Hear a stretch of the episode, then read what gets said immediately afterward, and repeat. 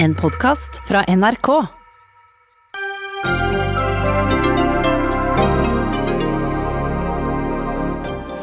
Norsk idrett trenger flere heltehistorier om folk som står opp mot rasisme, konkluderer utvalg.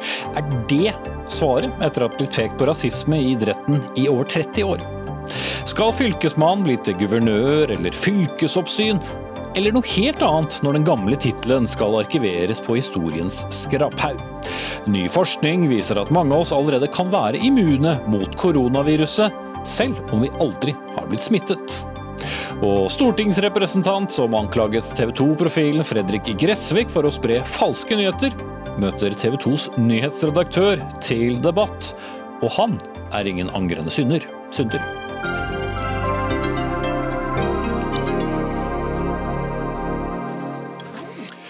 Da ønsker vi velkommen til Dagsnytt 18 denne mandagen med Espen Aas, der vi også skal snakke om at Norge i dag er utvalgt til å lede an i koronakampen, sammen med Sør-Afrika. Faktisk skal vi lede arbeidet som skal sikre utvikling og rettferdig fordeling av testutstyr, behandling og vaksiner.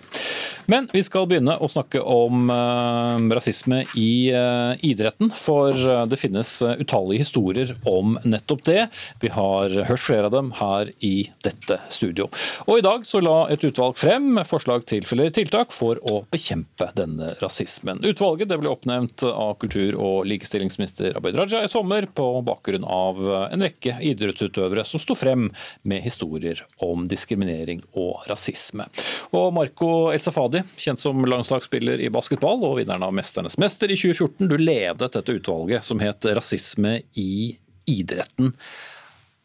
Vi kan ikke gå gjennom alt, selv om for så vidt konklusjonen er så kort at eh, du hadde rukket å lese den opp gjennom debatten. Men hva er det aller viktigste som dere har kommet frem til? Ja, altså Vi har kommet frem til en del sånn konkrete punkter som skal være både til inspirasjon og lett å, å måle og gjennomføre.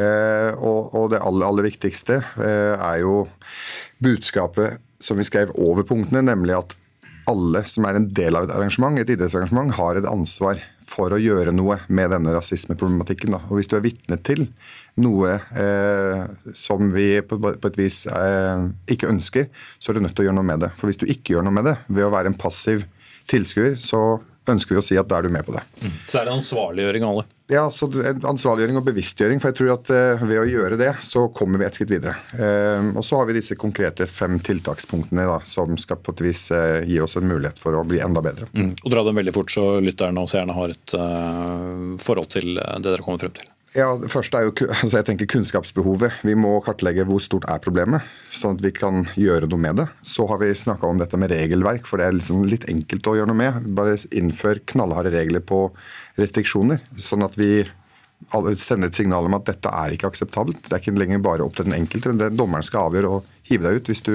hvis du sier eller gjør noe du ikke skulle gjort. Eh, og så er det dette med, med behov for varsling. Der hvor barn eller andre blir utsatt for noe, så må vi ha en klar varslingskanal som kan ta dette på alvor. Eh, og så har vi det med rekruttering av innvandrere til, eller minoritetsspråklige minoriteter til styreverv, ledelse, trenerroller eh, etc. For, for å aktivt eh, få det inn i idretten. Eh, og det siste er jo da at vi opprettholder en sånn holdningskampanje, en holdningsarbeid, hvor vi hele tiden har altså ha det framme i pannelappen. Mm. Du kom til Norge i 1987 som palestinsk flyktning, men da vi snakket med deg tidligere i dag, så sa du at du har ikke opplevd eh, rasisme når du har vært eh, sportsutøver. Mm. Betyr det at rasismen er mer isolert til enkeltidretter?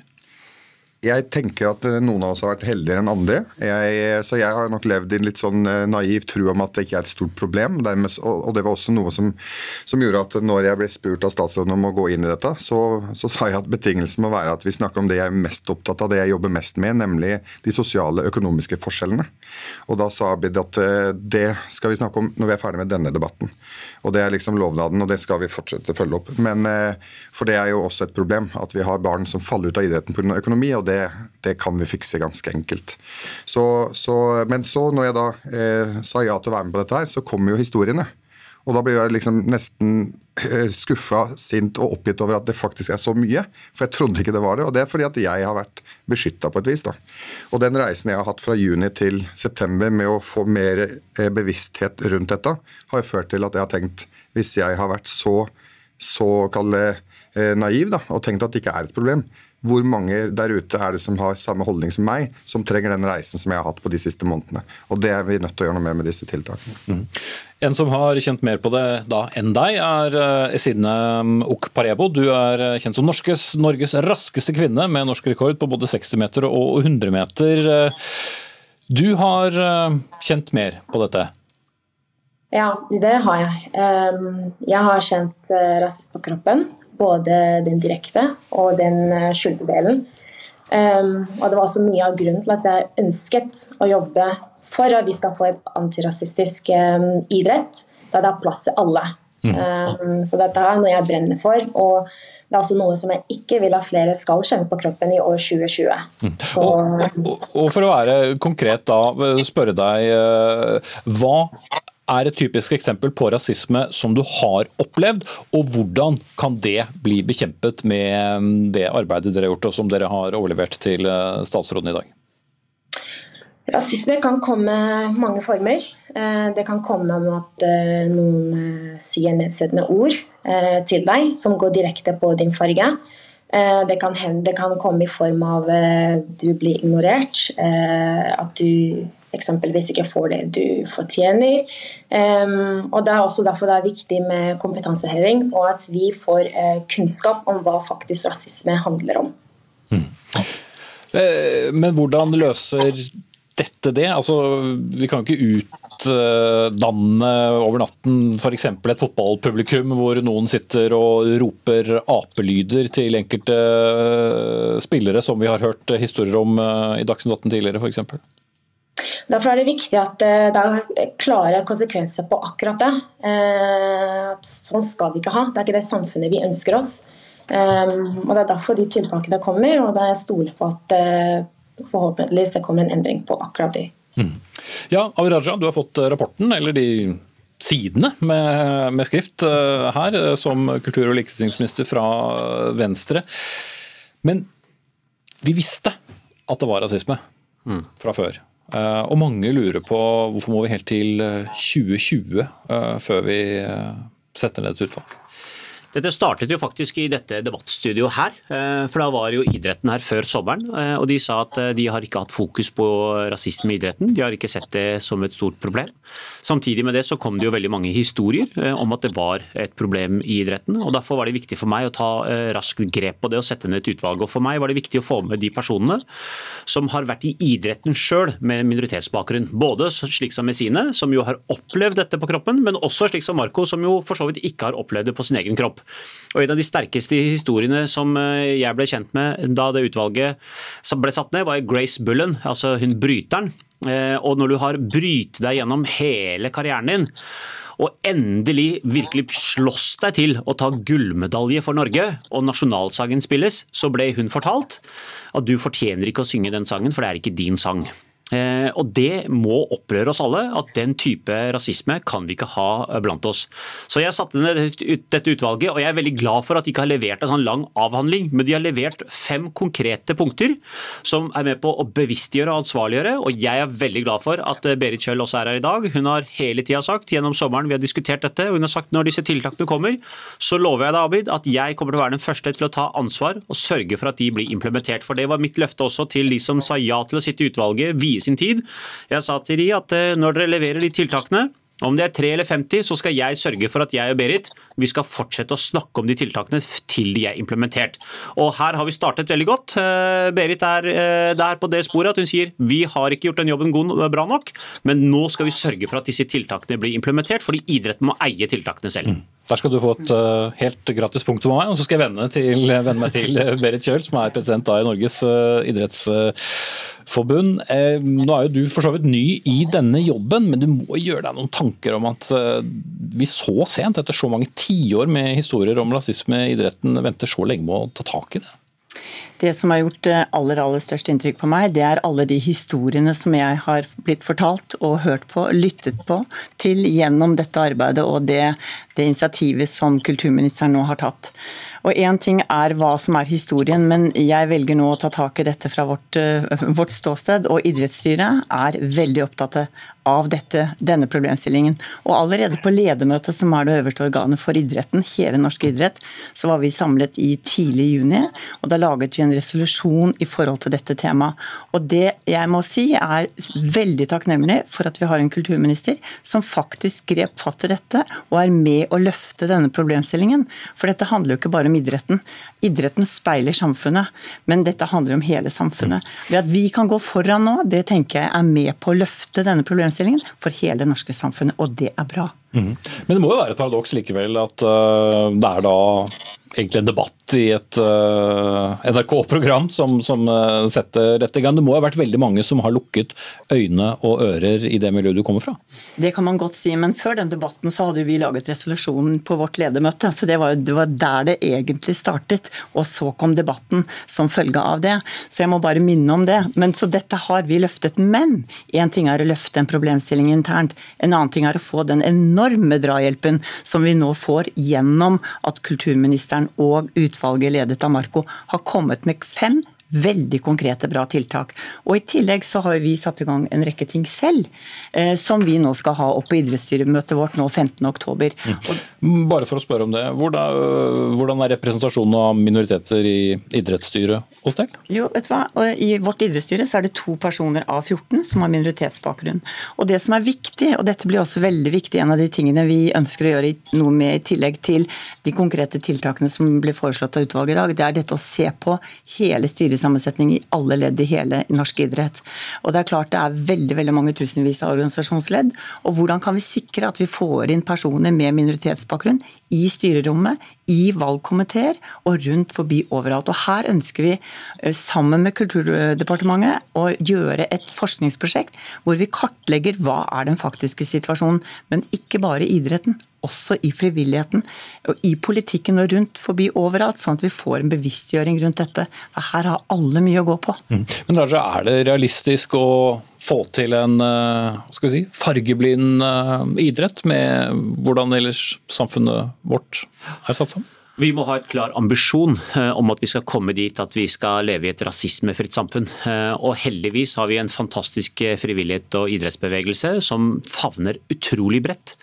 Hvis de klarer å være normdannende også på denne sektoren, på dette området, at de også kan være bevisstgjørende på de atferdsutfordringene enkelte har. Heldigvis er jo rasismen ikke en utbredt problem på idrettsbanen. Men for de som treffes av det, så det alt, kan det være liksom altoppslukende. For det rammer deg på den måten at du ikke får lyst til å være med videre. Det kan frata deg følelsen av selvfølelse og din selvtillit. Og ikke minst de andre barna som altså Rasismen er jo, er jo dårlig for begge gruppene. Både de barna som kommer på banen eh, og utsetter andre barn for rasisme. Det er dårlig for de barna å vokse opp med de holdningene. Og så er det dårlig for de barna som blir utsatt for den type sjargong. Så rasismen taper alle på. Både de som utøver det, og de som blir, utøvet, eh, altså blir utsatt for rasisme. Så vår oppgave må være å ha en idrettsbevegelse og en frivillighetsbevegelse hvor du har nulltoleranse, null for eh, altså, hets av homofile, hets av skeive, hets på bakgrunn av etnisitet eller religion. Det skal vi bare ikke ha noe av. Altså Kjønnsseksuell ladede uttrykk, det skal vi ikke ha noe av. Den type idrettsbevegelse, det må være et mål at vi skal klare. og jeg ser Når da? At de, ja, med Holdningsendringer er noe du må jobbe med kontinuerlig. Eh, idrettsbevegelsen må være med på det, men jeg tror vi også må ansvarliggjøre foreldrene. For dessverre er det jo sånn at barn og unge plukker opp en del av det også på idrettsbanen.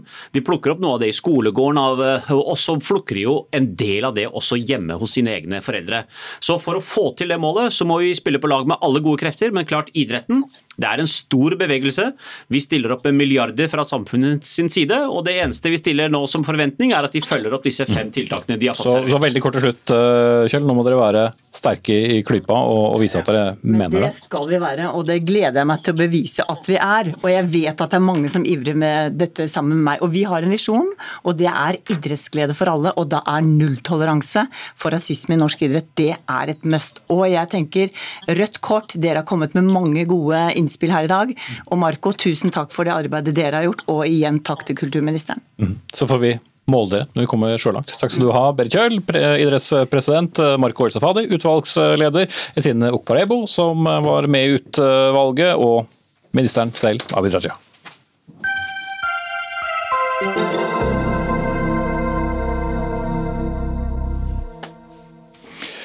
Hva skal fylkesmann hete i fremtiden? Og det tenker jeg ikke på hvem som blir utnevnt, men rett og slett tittelen. For staten skal gjøre alle titler eh, kjønnsnøytrale.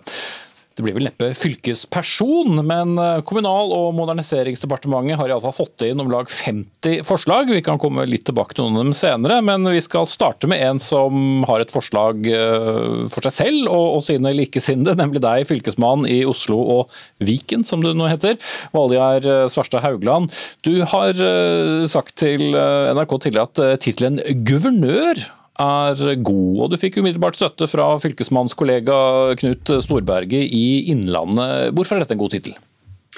Altså, det er jo ikke mitt forslag, men eh, det er en historiker som heter Yngve Flo, som har skrevet historier om fylkesmann amtmann fra 1814 eh, til 2014. Og hans forslag er å bruke guvernør. Fordi eh, altså, og så blir det sagt at det er en pompøs tittel, og det kan jo godt hende noen av oss er litt pompøse av og til. Men, eh, men, poenget er jo egentlig at vi vil ha en kjønnsnøytral tittel. Eh, vi vil ha en og kanskje en tittel som kan bruke samme tittel både på eh, nynorsk og bokmål. Det er en kort tittel, og det er en tittel som vi fylkesmenn er vant med. fordi at når vi er, eh, snakker med ambassadører eller når vi er i utlandet, så er det vår tittel county governor. Eh, slik at vi har nok den litt mer under huden enn mange andre. Så tenker jeg at eh, ja, hvis ikke alle har den under huden nå, så kan det hende de får den. Jeg vil ikke først og fremst ha en pompøs tittel, men jeg vil ha en tittel som ikke inneholder mann, ikke inneholder fylke. Og så, og så syns jeg òg at direktører har vi mer enn nok av her i dette landet. Eh, og Derfor så er det som eh, forslaget fra Inge Flor, som eh, han har argumentert godt for, et forslag som jeg falt for når jeg hørte hans argumentasjon. Så vet jeg nå at det ikke er jeg som skal bestemme. har, du, jeg må jo bare spørre, har du, har du stått foran speilet og sagt 'guvernør Valgerd Sørstad Haugland'? altså, jeg vil jo helt i høvding, da, vet du. Nei, da. Altså, vi kan gjerne bli pompøse og gå til Sverige og hete landshøvding. Nei. Eh, eller jarl eller noen er en historisk tittel. Eh, de har en annen pompøsitet over seg enn eh, en guvernør har. Jeg syns det er praktisk, god, enkel, og eh, det er mange andre titler vi har som var i utgangspunktet ikke norske. Direktør det er ikke norsk ord, men det er blitt det. Guvernør kan bli det, tror jeg òg. Mm. Språkdirektør også Vetås, eh, du syns eh, også et og annet om hva dette skal hete, men eh, du falt ikke helt for guvernørtittelen? Nei, jeg gjorde ikke det. Og guvernør er jo et ord som allerede er i bruk i norsk. Og der er det to kjente betydninger. Ingen av de passer særlig godt til den rollen som fylkesmannen har. Altså Historisk sett så har jo vi hatt uh, guvernører som har bestyrt en koloni eller en provins eller en landsdel, og nå i tida så kjenner nok folk flest uh, guvernør i den andre betydningen, altså som en valgte Eh, leder i eh, administrativ leder, eh, i, som leder administrasjonen i en delstat i mm. USA.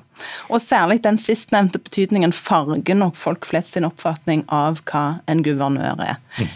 Ja, for Utover oss som kanskje er i overkant interessert i hvordan forvaltningen er, er satt sammen, som kanskje begrenser seg litt til politikere og, og journalister og, og noen andre, så er det jo mange ser allerede på sosiale medier i dag som misforstår egentlig hva en fylkesmann er. Man blander det med fylkeskommunen. Eh, men du har da foreslått, eller dere er statens oppsyn. Ja, Det var ett av de forslagene vi hadde. Jeg er nok kanskje aller mest begeistra sjøl for statsembetet. Altså at uh, vi har statsembetet i Viken, og at uh, Valgjerd og de andre fylkesmennene da blir leder for statsembetet, eller embetsleder. Uh, det fins andre varianter òg, for all del, men her er vi i den situasjonen at det er mange hensyn som skal dekkes samtidig. Eh, dette navnet skal være dekkende for det som Fylkesmannen eh, gjør. Det skal ikke være for hvitt, det skal ikke være for smalt. Vi har noen språklige krav. Det skal, som Valgjerd Svarstad Haugland sier, kunne brukes både på bokmål og nynorsk. Eh, det skal helst være så kort som mulig. Og Fylkesmannen har flere oppgaver. Så, så dette er eh, ikke et enkelt navneskifte. Mm. Nei, og eh, Haugland, eh, dette er jo da en ikke-politisk eh, stilling, selv om det er veldig mange tidligere politikere som har blitt utnevnt til fylkesmenn. Men det dere jo er, er jo på en måte da statens kvinne eller mann representerer da staten i de forskjellige fylkene og er ankeinstans i, i en rekke saker.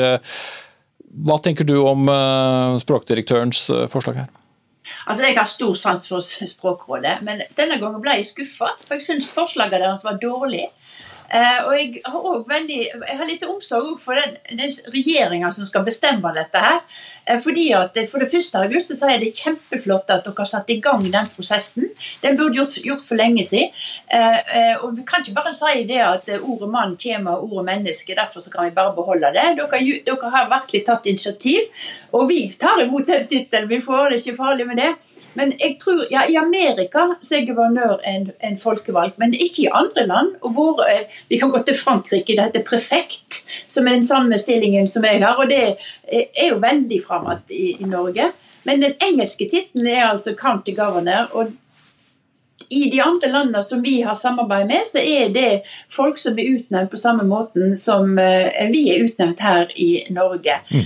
Eh, det er derfor vi har, iallfall jeg og flere av mine kolleger, det er ikke bare Knut Storberget, det er mange andre som har bedt meg om å, og som leder av fylkesmennene sitt arbeidsutvalg å være ei talskvinne for det navnet. Ja. Vi har ikke tatt opptelling, så det kan hende noen der også ikke liker det.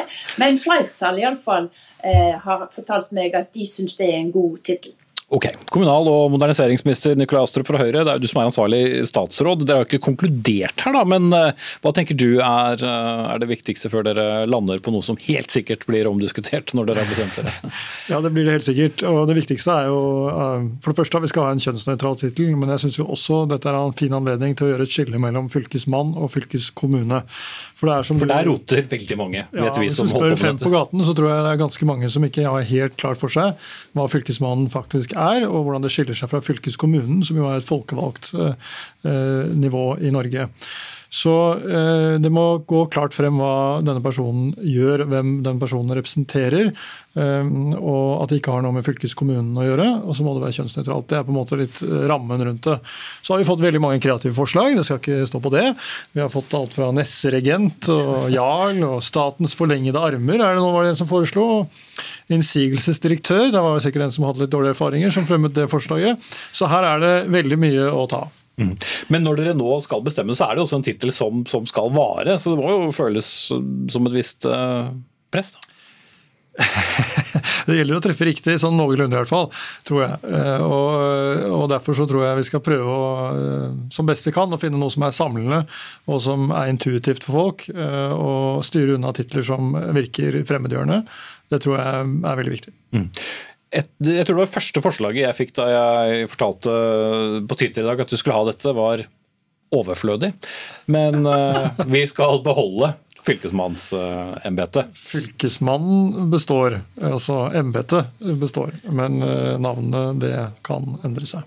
Det var ikke måte på for kreative forslag i dag heller. Eh, fylkesfantorang fra Dagfinn Lyngbø. Fylkeskvinne, fylkesperson, jarl, regionær eller landshøvding. Men eh, det går vel en grense for alt?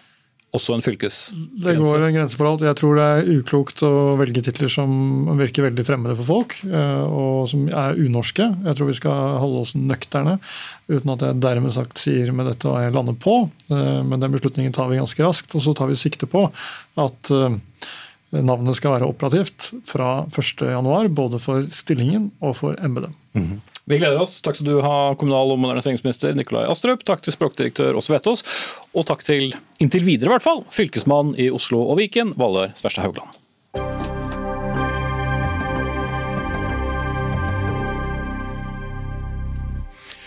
Senere i sendingen skal vi snakke om at Norge sammen med Sør-Afrika skal lede arbeidet som skal sikre utvikling og rettferdig fordeling av både testutstyr, behandling og vaksiner i forbindelse med koronaepidemien. Men først skal vi holde oss i ja, skal vi si, litt eh, mer hjemlig geografi. Eh, og mange har sikkert fått med seg nyheten om at eh, for første gang siden april så er altså koronasmitten større i Norge enn i Sverige, målt etter innbyggertallene. Det er da koronasmitte som øker i særlig tre kommuner i Norge. Fredrikstad, Sarpsborg Sarpsborg, som også heter, og Bergen. Og assisterende helsedirektør Espen Rostrup eh, Nakstad, bare ta det først. Eh, det har kommet flere hastenyheter gjennom dagen med både folk som settes i karantene og økning. Eh, vet vi nå hvorfor vi har fått denne kraftige økningen? Ja, I Norge er det ikke noe tvil om at uh, tallene bærer tydelig preg av utbruddet i Bergen, men ikke minst nå i Østfold. Uh, med ganske store tall uh, de siste tre-fire dagene av positive tester. Og Hvis du trekker bort de to utbruddene, så har vi jo en veldig lav smittesituasjon i Norge. Men det er en del av bildet, absolutt. Mm. Men er det bra at det er såpass konsentrert? Ja, det er bedre at det er konsentrert til noen lokale utbrudd enn at vi har en generell stor smittespredning i samfunnet. Det ville vært mye mer uhåndterlig. Så det er bra. Og så skal det sies at det også er bra at vi nå får testet veldig mange. Det gjøres en kjempejobb på laboratoriene i Norge, og kommunene tester og smittesporer. og Det er veldig viktig. og Det gjør nok at vi har litt mindre mørketall nå enn vi hadde før. Vi fanger opp mange.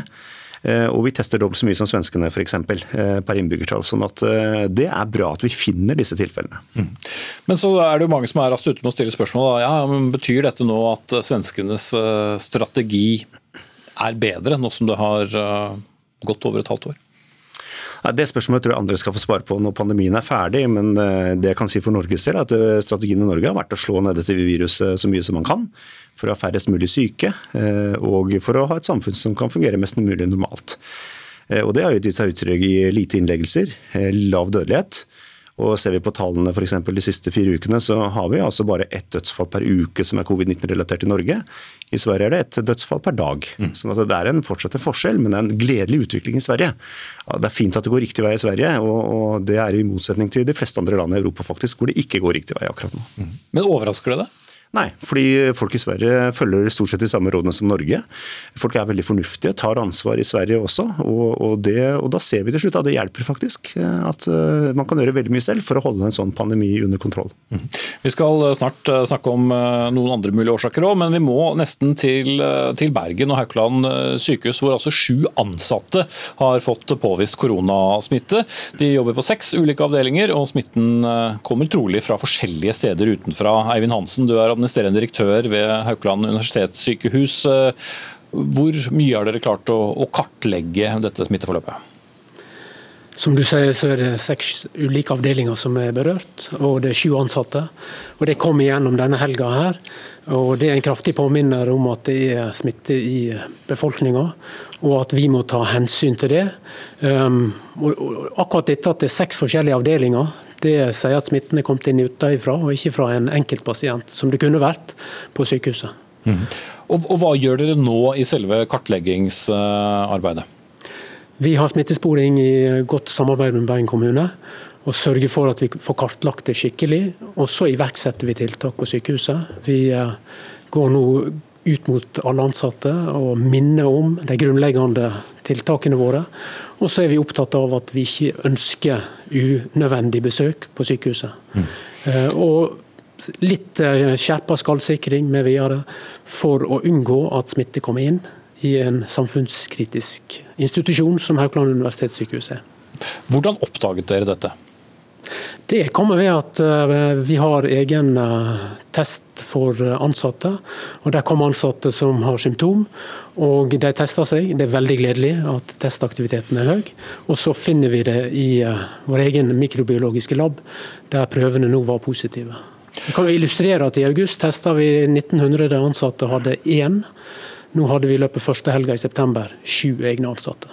Likevel så har da disse personene rukket å være i kontakt med andre mennesker på sykehuset? Det har jeg. Så eh, sju pluss 35 andre ansatte som kom i karantene, og så er det ni pasienter som er blitt isolert.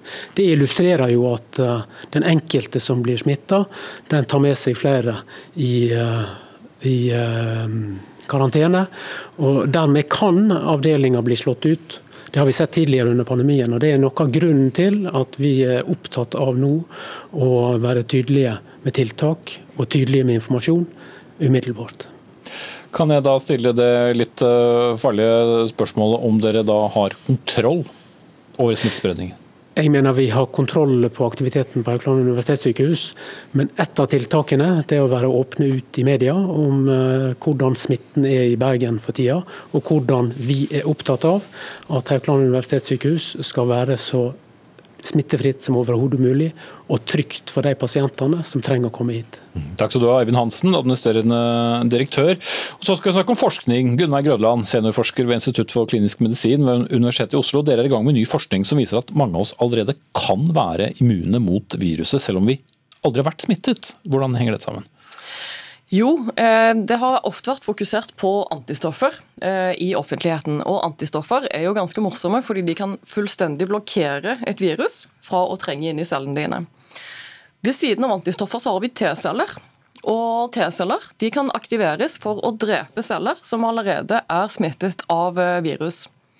Eh, det vi har funnet ut, er eh, rett og slett at hvis du har vært eksponert for disse tidlige koronavirusene, disse forkjølelsesvirusene, ligner på det, som har sirkulert i en årrekke, så kan rett og slett de reagere med SARS-CoV-2. Mm. Så rett og slett en, eh, en god gammeldags vinter- eller høstforkjølelse flere år tilbake i tid kan sette noen av oss i stand til å, å motstå viruset? Det kan. Foreløpig så ser vi at de kan reagere. Vi har ikke ennå dokumentert at de faktisk beskytter.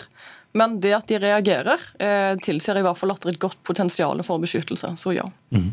Og hva kan dere da bruke denne kunnskapen til? Kan man teste folk eh, i forkant? Eh, kan dette bety at eh, koronavirusets spredning kan begrenses? Det har mye å si for mye, egentlig. Først av alt for eh, vaksineutvikling, eh, med hvordan du designer vaksiner, for hvilken type immunitet du vil ha i befolkningen. Eh, dernest for hvordan du vurderer flokkimmunitet. fordi hvis du allerede har et grunnlag, så vil du kunne oppnå flokkimmunitet med færre antall vaksinerte etter hvert, f.eks. Mm -hmm. Ja, Nakstad, Er dette ting som beroliger deg på noen måte, eller er det sånn du anser som interessant? Det er veldig, veldig interessant og veldig viktig forskning. fordi uh, Dette er et rart virus som påvirker immunsystemet vårt på mange rare måter. og Det er jo et mysterium hvorfor noen blir så syke og andre ikke. Selv om det selvsagt er veldig aldersrelatert, så ser vi også at yngre mennesker, noen blir kjempesyke, andre merker det ikke. Det er veldig pussig, og det er klart at dette er også viktig i et vaksineperspektiv. fordi når vi får til slutt en vaksine, så er det ikke sikkert at vi skal vaksinere barn og ungdom mot dette viruset. Det er ikke sikkert. Og Da vil jo disse mekanismene, særlig hos de yngste, hvor da T-cellemediert immunitet er viktig antagelig, mm. det vil være en forsvarsmekanisme som da er veldig relevant å vurdere. Så, så, dette er viktig forskning nå i det neste halvåret vi går inn i. Ja, jeg skulle til å spørre deg, Grødland, hva, Når kan vi ha noen klarere svar på de indikasjonene dere har nå? Det kommer an på hvilken indikasjon du spør om. Uh, men at, at, vi kan ha utviklet en, en form for uh, immunitet gjennom uh, andre varianter av, av, covid? Ja, Det uh, vet vi i dag. Men graden av beskyttelse det vil det ta lengre tid å finne ut av. rett og slett. Men vi vet i dag at det er god grunn til å tro det beskytter. Og så må vi se over tid og faktisk vurdere effekten av det. Mm. Og Hvis noen skulle lure på det du akkurat sa Nakstad, om at hvis vi ikke vaksinerer yngre, det handler også om hvem som skal prioriteres, rett og slett? Det har med det å gjøre. Og så har det også med da, om eh, det er risiko for at du ikke blir syk, men likevel kan smitte videre. Altså være virusbærer er en faktor som er viktig. Så dette har litt med hvordan du skal få kontroll også på virusspredningen, ikke bare kontroll på sykeligheten gjennom en vaksine. Så dette er viktige spørsmål som eh, vil få mye fokus de neste månedene. Da sier jeg takk til dere. Espen Akstad, assisterende helsedirektør, og Gunnveig Grødland, seniorforsker ved Institutt for klinisk medisin ved Universitetet i Oslo.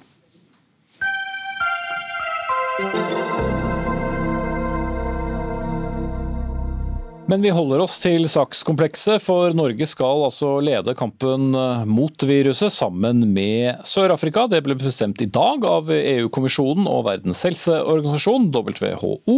Samarbeidet, som går under navnet ACT-A, The Access to COVID-19 Tools, ble lansert i april av EU-kommisjonen og WHO, og som eh, Norge da har vært en del av. Samarbeidet skal eh, sikre utvikling og rettferdig fordeling av testutstyr, behandling og vaksiner, som det jo heter seg. Og utviklingsminister Dag Inge Ulstein fra Kristelig Folkeparti, eh, vet vi da nå hvem som eventuelt kommer til å få en eventuell vaksine, og hvem som får den først? Det er jo derfor eh, vi både engasjerer oss i det og har gjort det lenge. Eh, fordi Vi må gjøre det vi kan for å sikre både at vi får utvikla vaksine, at vi får nok produksjon, nok kapasitet og nok volum. Eh, og så må vi få på plass det her mekanismene eller felles innkjøpene som gjør at det nettopp ikke bare er noen land som får sikre seg noen av vaksinene, men at vi sikrer til sårbare grupper, til nødvendig helsepersonell, til virkelig frontarbeidere som jobber i humanitære kriser osv., får tilgang til dem når den er klar. Og nå vet vi faktisk ingen som vet hvilken vaksine som er det som vil lykkes her. Eh, og Da er det så viktig at vi går sammen i slike internasjonale samarbeid. Ikke land for land, eh, men at vi står sammen. Mm. Men det er ikke alle verdens land?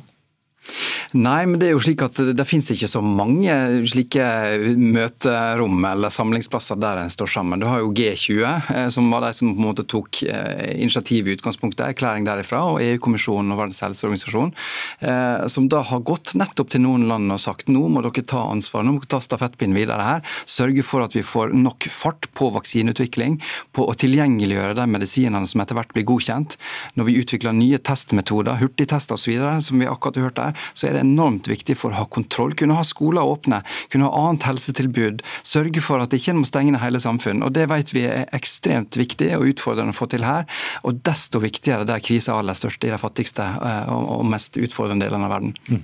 Men Betyr det du sier akkurat nå at eh, det fort kan være et kriterium? At det er eh, fattige land med høy utbredelse av viruset eller covid-19 som skal prioriteres?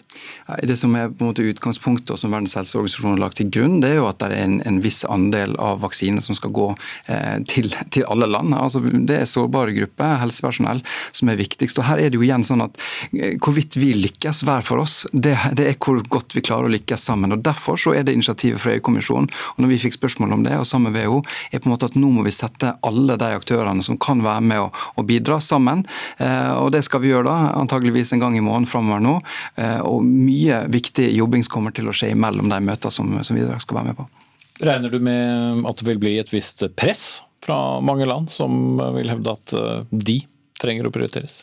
Helt åpenbart, og det er veldig naturlig. Eh, men jeg tror, hvis en virkelig kan se sammenhengen mellom de nasjonale interessene, våre egne interesser, eh, og at det nettopp handler om å se hvordan vi kan være med å bidra også i de andre landene, for at ikke pandemien skal sirkulere lenger enn trenger, for at ikke ustabilitet og uro og eh, økonomisk nedgang og enda mer lidelse skal få, få fortsette rundt oss, så trenger vi nettopp å, å, å enes om det. Mm. Ja, men helt slutt, Selv om du er et rikt land, så vil ikke det sikre deg en plass langt frem i køen. Man kan ikke kjøpe seg ut av dette. Akkurat nå så er det ingen som vet hvilke vaksiner som faktisk er den som vi lykkes med, og vi trenger faktisk å samarbeide.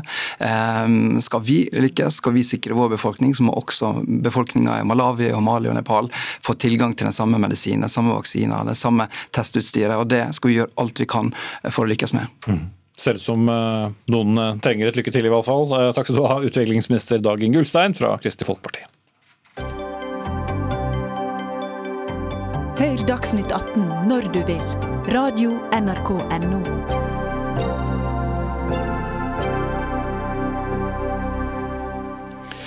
For om lag en time siden avsluttet næringsminister Iselin Nybø fra Venstre sitt hasteinnkalte møte med Hurtigruten og flere av fagforeningene som organiserer ansatte.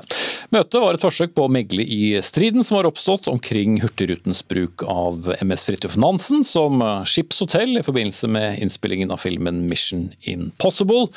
Hurtigruten er nemlig anmeldt for brudd på NIS-loven, eller Norsk internasjonalt skipsregister. Og Iselin eh, Nybø, Nybø, du har vært tydelig på at eh, skip som er registrert i dette skipsregisteret, ikke kan eh, bli gjort om som eh, Hurtigruten gjorde i dette tilfellet. Hva, hva, er det de har gjort galt? Altså, departementet, Nærings- og fiskeridepartementet har siden 2018 ment at loven må tolkes sånn at NIS-registrerte skip ikke kan operere som hotellskip fra kai i, i Norge.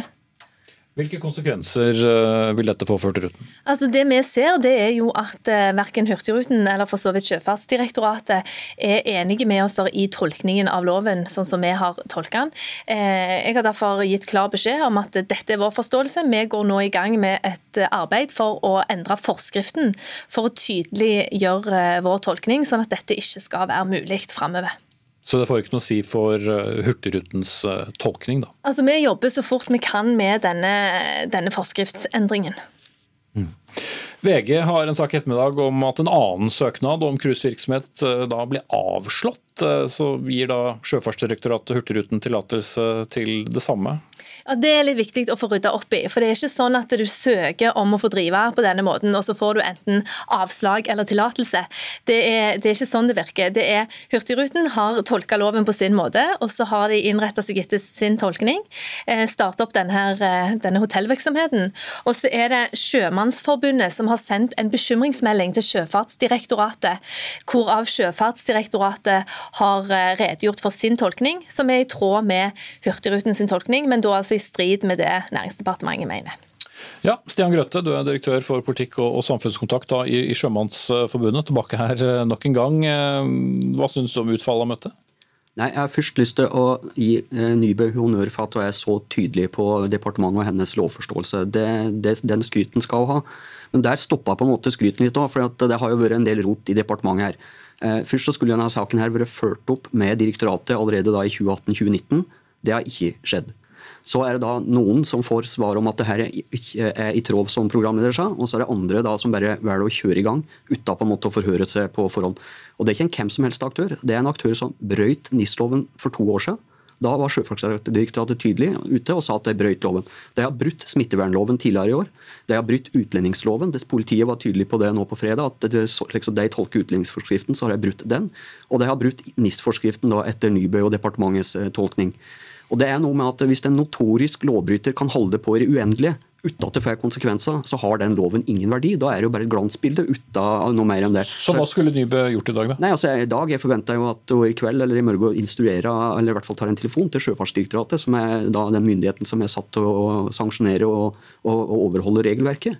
Og så få sørge for at deres tolkning og forståelse av loven er den samme som er departementets eh, tolkning. Og, og så har Jeg også lyst til å legge til, jeg lurer på hvordan Sjøfartsdirektoratet her er, når de får en så sensitiv og kjenslig sak på bordet, og så tar de ingen kontakt oppover til sin nærmeste overordna, altså til departementet og statsråden, for å høre på hva som er riktig måte å gå fram på. Det er en skandale, hele saken. Mm. Svar på det, Nivå. Jeg har ikke tenkt å sitte her i en debatt og, og uttale meg om forholdet mellom departementet og vår underliggende eh, direktorat, Sjøfartsdirektoratet, men, men for meg så har det vært viktig å være tydelige på hva departementet mener er den riktige lovforståelsen. Og så er jeg helt enig i at denne saken her burde vært fulgt opp fra Nærings- og fiskeridepartementet i 2018. Det ble dessverre ikke gjort. Men nå eh, gjør vi det. Vi har gått i gang med, med, å få på plass en ny forskrift, og det skal vi jobbe så fort vi kan med. Mm. Men du gjør deg vel noen tanker om eh, kontakten, eller mangel på sådan, mellom Sjøfartsdirektoratet og departementet? Ja, men Det er forskjell på å gjøre seg noen tanker og det å brette de ut i, eh, i allmennheten her på NRK. Mm. Jeg må bare legge til, som vi har sagt mange ganger når vi har snakket om Hurtigruten, at de eh, har fått eh, invitasjon om å kommentere, men eh, de har nok en gang valgt å ikke gjøre det. De er da altså ikke til stede i, i studio her. Men, men, Grøthe, hva gjør dere nå? Skal dere avvente og se hva som kommer fra departementets side? Ja, så Sjømannsforbundet har som kjent ingen politimyndighet eller myndighet på noen annen måte, så det eneste vi kan gjøre er å si fra. Vi har politianmeldt forholdet med brudd på utlendingsforskriften, og vi har påklaga det til Sjøfartsdirektoratet. Men jeg har lyst til å si, programleder, det her er en så flaut for ikke bare Hurtigruten, det er flaut for hele Norge og Norge som, som maritim stat. Det er andre gangen nå på kort tid at Hurtigrutens lovbrudd går verden rundt. Og Det skader andre rederier, det skader andre aktører, det jeg si, hele det maritime Norge. og Jeg må bare si til statsråden at dette her må hun bare få rydda opp i. Måten Hurtigruten opptrer på nå har opptrådt på de siste månedene, det kan bare ikke fortsette. Terje Aasland, du er med oss på linje, stortingsrepresentant fra Arbeiderpartiet og næringspolitisk eh, talsperson. Du har jo tidligere sagt at eh, Hurtigruten bedriver en ren cowboyvirksomhet, og at eh, statsråden må, må, gripe inn. Er du enig med, med Grøthe og det han har sagt her? Ja, det er jeg. Fordi saken er veldig alvorlig. Eh, det er ingen tvil om, og det har vært enighet om, eh, og veldig åpenhet om, at eh, fra 2018 at det å drive med hotellvirksomhet fra skip langs norskekysten, det er ikke tillatt i henhold til NIS-regelverket. Det stadfestes nå av næringsministeren, det er jeg også glad for. Men det at Hurtigruten da tillater seg å drive den type virksomhet langs kysten nå, det syns jeg er underlig. Det er underlig at Sjøfartsdirektoratet ikke var tydeligere overfor Hurtigruta. Og jeg blir eh, bekymra når ikke næringsministeren har andre tiltak å sette i verk enn å starte med en forskriftsendring. Det er jo den aktiviteten som vi nå ser, som det er brudd på norsk lov, som må stanses. Den må komme i tråd med det som er regelverk og gjeldende praksis. Ja, hva, hva slags konsekvenser skulle det da fått for uh, selskapet? Nei, altså Den aktiviteten som er nå, den er jo ikke i tråd med norsk lov. Eh, det er opplagt et brudd på, på NIS-regelverket, og da bør aktiviteten stanses. Ellers så bør de sanksjonene som ligger i NIS-regelverket, og etter det jeg forstår så er det omflagging, eh, i hvert fall iverksettes. Men det er jo aktiviteten i seg sjøl som vi ikke vil ønske langs norskekysten. Det at eh, cruisebåter ankres opp, legges i havn og driver sin hotellvirksomhet, det er en aktivitet som utkonkurrerer tilsvarende aktivitet på land. og Da bør skal vi si, de fastlandsreglene som gjelder, også følge av de cruisebåtene som eventuelt prøver seg på den konkurransen. Men det er altså ikke en ønska aktivitet. Og næringsministeren burde tatt et helhetlig ansvar nå og sørga for at eh, Hurtigrutens aktivitet ble egentlig stansa, eller egentlig eh, så får han ta spørsmålet til retten. Mm. Og De har jo bare for uh, den saks skyld sagt at de, de, ikke driver med hotellvirksomhet, men at de bare har da leid ut dette skipet uh, til, til, denne produksjonen. Men det er ikke svar godt nok. Altså, det, er jo... Nei, bare, bare, til det, det er ikke svar godt nok, selvfølgelig ikke. Altså En hotelleier kan ikke bare leie ut hotellet sitt og si at ikke han driver hotell. Eh, det er ikke sånn eh, det kan foregå. og Det må ryddes opp i. Eh, vi må sørge for at den aktiviteten som er i Norge og på norsk sokkel og ved kysten, følger de lover og regler som er satt som og som skal følges, selvfølgelig. Mm. Ja, Det virker som en del forventer at det skal ryddes snarlig opp her. også kanskje det burde få noen konsekvenser? Ja, og Vi har jo også vært opptatt av å være tydelige på hva Næringsdepartementet mener er den riktige lovtolkningen. Og jeg er, jeg er veldig opptatt av at et skip som er registrert i NIS-registeret, ikke skal kunne drive denne type virksomhet. For det er ikke det som er hensynet bak loven. Det er ikke de skal drive med cruise og ikke Tom Cruise? Det, det, er helt riktig. Eh, og det tror jeg egentlig de er veldig gode på, å drive med cruisevirksomhet. Men, men eh, nå er vi nå der vi er. Eh, vi, har, vi, har, en situasjon der Hurtigruten og Sjøfartsdirektoratet har tolka loven annerledes enn det Nærings- og fiskeridepartementet har gjort.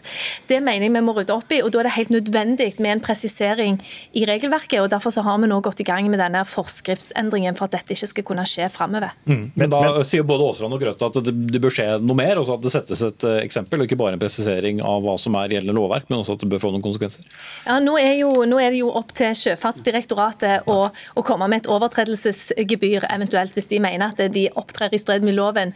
Nå er litt utfordringen at Sjøfartsdirektoratet har en annen oppfatning av eh, hvordan loven skal tolkes. og Derfor har det vært viktig for meg å gjøre det klart hvordan loven faktisk skal tolkes. For denne virksomheten som, som de driver på norsk kai nå, som et NIS-registrert skip, det er ikke mm. greit. Åseland. Men hvem er det som er ansvarlig overfor, altså hvem er Sjøfartsdirektoratet ansvarlig overfor? Det er statsråden. Og Det er statsråden og den lovfortolkningen nå som ligger i departementet, og som har vært kjent siden 2018, som må legges til grunn. Og Det kan jo ikke være sånn at en må lage nye forskrifter for hver gang et direktorat ikke forstår hva de egentlig holder på med. Det er statsråden og departementets tolkning som har vært kjent, og som må nå følges. Og Det burde næringsministeren egentlig påse at det faktisk blir gjort. Og så gjør gjerne en presisering. Gjør det tydeligere.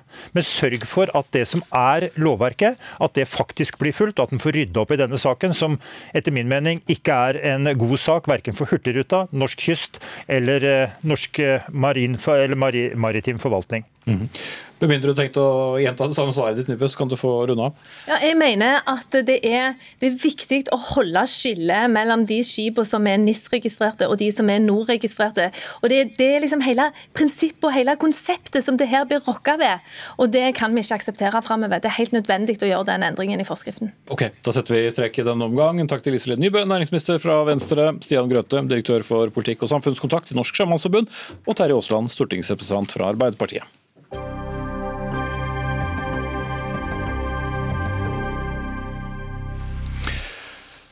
Og gjentatte ganger bli hengt ut som en løgner av en stortingsrepresentant. Presisering som aldri har tatt meg i løgn. Presisering slutt er mer enn jeg gidder. Takk for meg, Twitter. Ja, det skrev TV 2s mann i USA, Fredrik Gressvik, før han deaktiverte sin konto i helgen. Og dette skjedde bl.a. etter at stortingsrepresentant fra Fremskrittspartiet, Jon Helgheim, anklaget Gressvik for å spre såkalt fake news. Og bare for å gi bitte lite grann kontekst. Det hele startet med et innlegg da fra Gressvik på Twitter fredag kveld norsk tid, hvor han sammenlignet Donald Trumps uttalelser om å dobbeltsende poststemmer med å oppfordre til valgfusk. Og Da svarte nevnte stortingsrepresentant med følgende mer fake news fra Urix Fredrik, som også er Fredrik Gressvik. Å teste systemet er verken valgfusk eller straffbart. Hva skal til for at TV 2-nyhetene fjerner Fredrik Gressvik for å redde sin egen troverdighet? Gressvik eh, er ikke med oss i studio i dag, men eh, det er sjefen. Karianne Solbrekke, nyhetsredaktør i eh, TV 2. Det har vært mye støy rundt denne saken gjennom helgen, men hadde Fredrik Gressvik rett i å sammenligne poststemmer og valgfusk? Altså For meg så, så, handler nok denne saken her mer om en oppfatning at, av at Helgheim systematisk forsøker å å eh, undergrave eh, en norsk journalist som eh, Fredrik Gressvik og norsk presse er. Og det syns jeg er problematisk. Når det gjelder selve denne saken, så mener jeg at, at der er det nyanser. Vi har en amerikansk president som går ut og oppfordrer folk til å dobbeltstemme. Det som Helgheim gjør, er at han hevder at Fredrik Resvik driver med fake news. Eh, og det er en utrolig alvorlig beskyldning som jeg er opptatt av at eh, folkevalgte på Stortinget ikke skal slenge rundt seg med. Eh, det å drive fake news, det er bevisst å fortelle nyheter som du vet er usanne det gjør ikke Fredrik Gressvik. Eh, okay. Og jeg, jeg, opplever at Helgheim er jo vel så kategorisk da, som, som, påstår at det er dette da Fredrik gjør. Mm. Ja, Jon Helgheim, stortingsrepresentant fra Fremskrittspartiet. Du har vel uh, hatt en uh, aktiv helg, så vidt jeg kan se, på, på Twitter. Men er det dette som du vil definere som fake news, falske nyheter? At Fredrik Gressvik bevisst sa noe feil?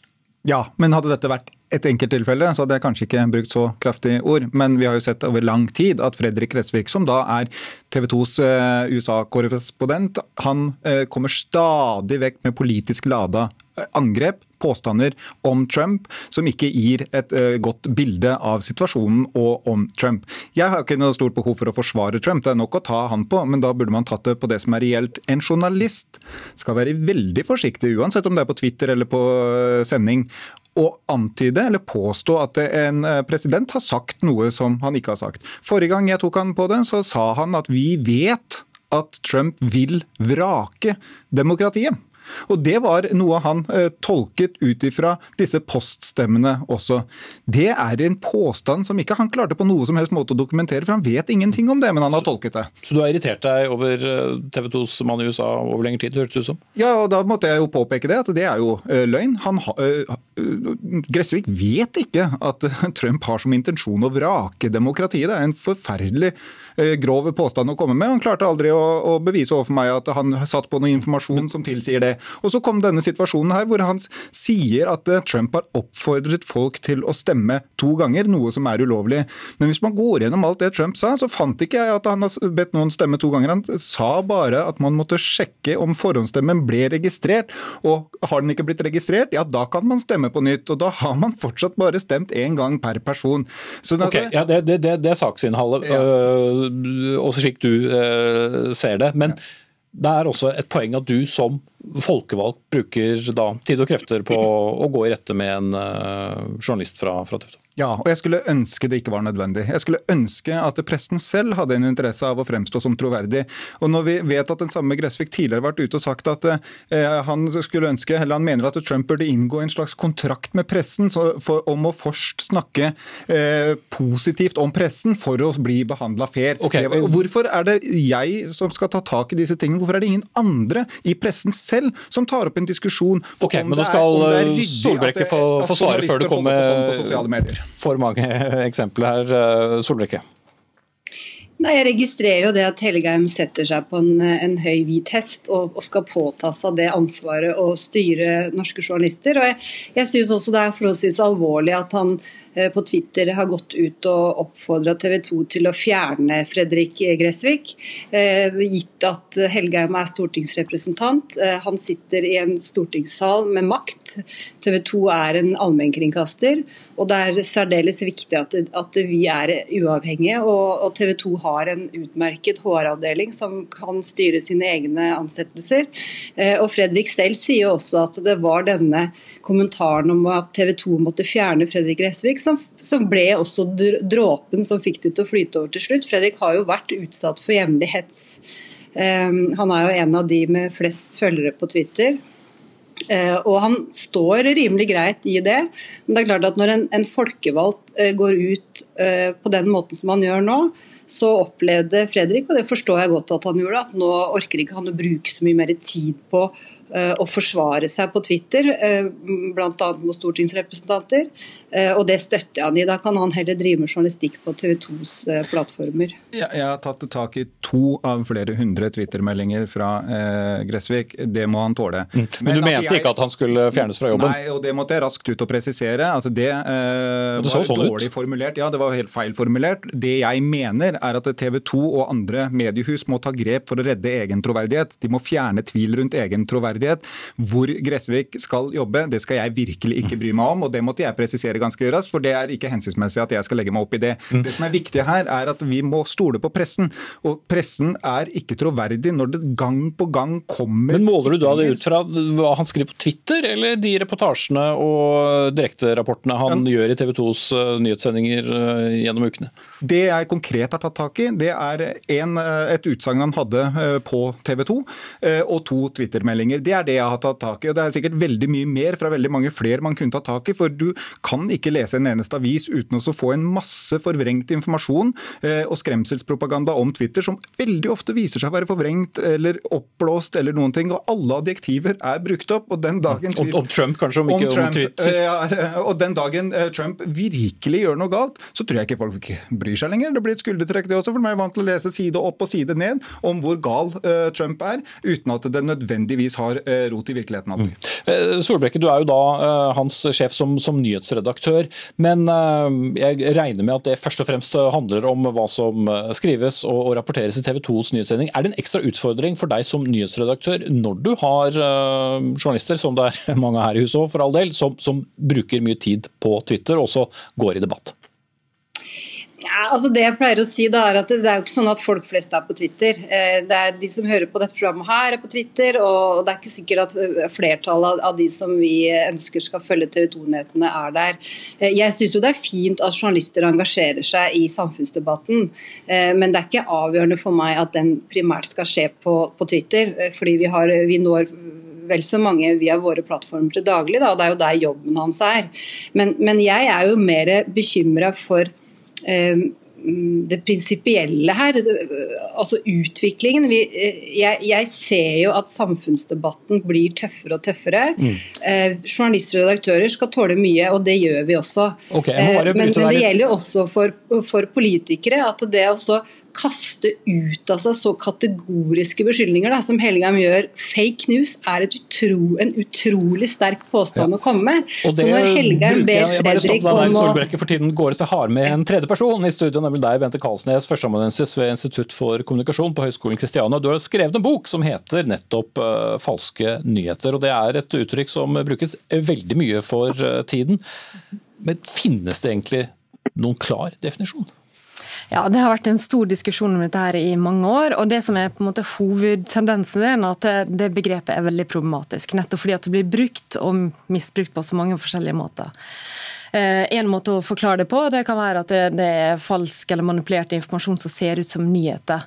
Eh, men i politikken så ser vi også at dette her blir brukt ganske strategisk. og Da er det særlig Trump som har brukt det begrepet eh, gjennom flere år. og Han bruker det bevisst for å eh, svekke motstandere og mediene. For å svekke tilliten til, til mediene. Han, han, bruker, Det er et av de mest brukte begrepene han har på, på Twitter. Og, det, og med den måten han gjør det på, så er han med på å bryte ned tilliten til mediene og til journalistene, sånn at det også blir at folk som følger med i mediene, kanskje har mindre tiltro til den kritiske journalistikken mot Trump. Mm. Jeg må sette strek der, for selv ikke programleder i Dagsnytt 18 rår over klokken, så takk til Bente Kalsnes fra Høgskolen Kristiania, stortingsrepresentant Jon Helgheim fra Fremskrittspartiet og Karianne Solbrekke, som er nyhetsredaktør i TV 2. Ville gjerne brukt mer tid på dette, tro meg. Ansvarlig for denne sendingen det var Dag Dørum. Stein Nybakk tok seg av det tekniske. Jeg heter Espen Aas.